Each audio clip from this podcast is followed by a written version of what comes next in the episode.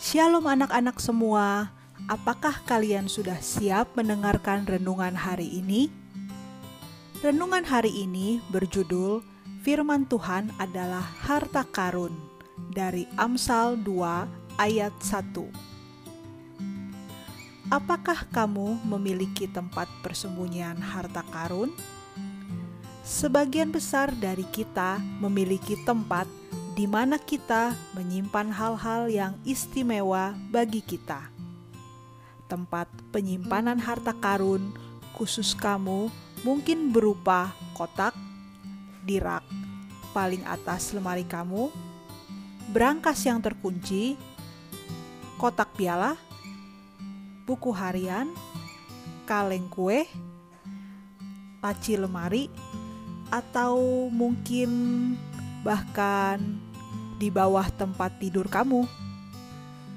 Nah, harta karun kita bisa bermacam-macam, seperti kartu bergambar, perhiasan, souvenir liburan favorit, foto, boneka kamu, atau mungkin medali yang kamu menangkan dalam suatu kompetisi. Apa pun bentuk tempat harta karun kamu itu, adalah harta yang disimpan di dalamnya yang benar-benar istimewa bagi kamu. Pikirkan sekarang tentang jenis harta yang berbeda.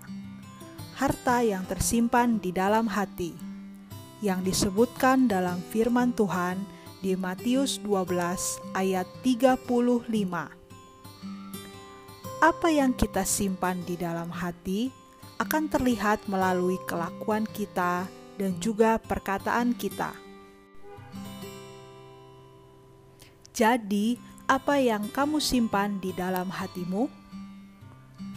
Dalam Amsal, penulis memberitahu kita bahwa harta kita yang sebenarnya adalah firman Tuhan.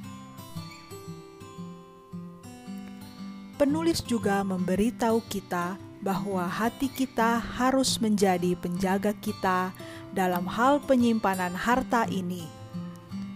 Apa hartanya? Perkataan dari Tuhan, firman Tuhan.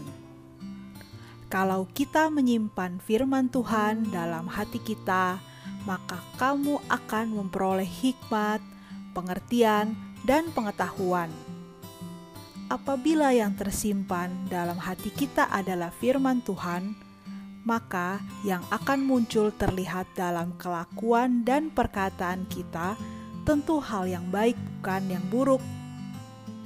Tetapi kita simpan kemarahan, kebencian, iri, atau mungkin hal yang tidak baik, tentu yang akan muncul dan terlihat adalah hal-hal yang jahat dan buruk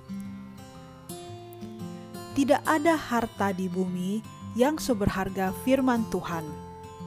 Saat kamu mempelajari Alkitab dan menghafal ayat-ayat, kamu menyimpan harta karun yang tidak akan pernah bisa dicuri atau dihancurkan. Itu yang dikatakan dalam Matius 6 ayat 19.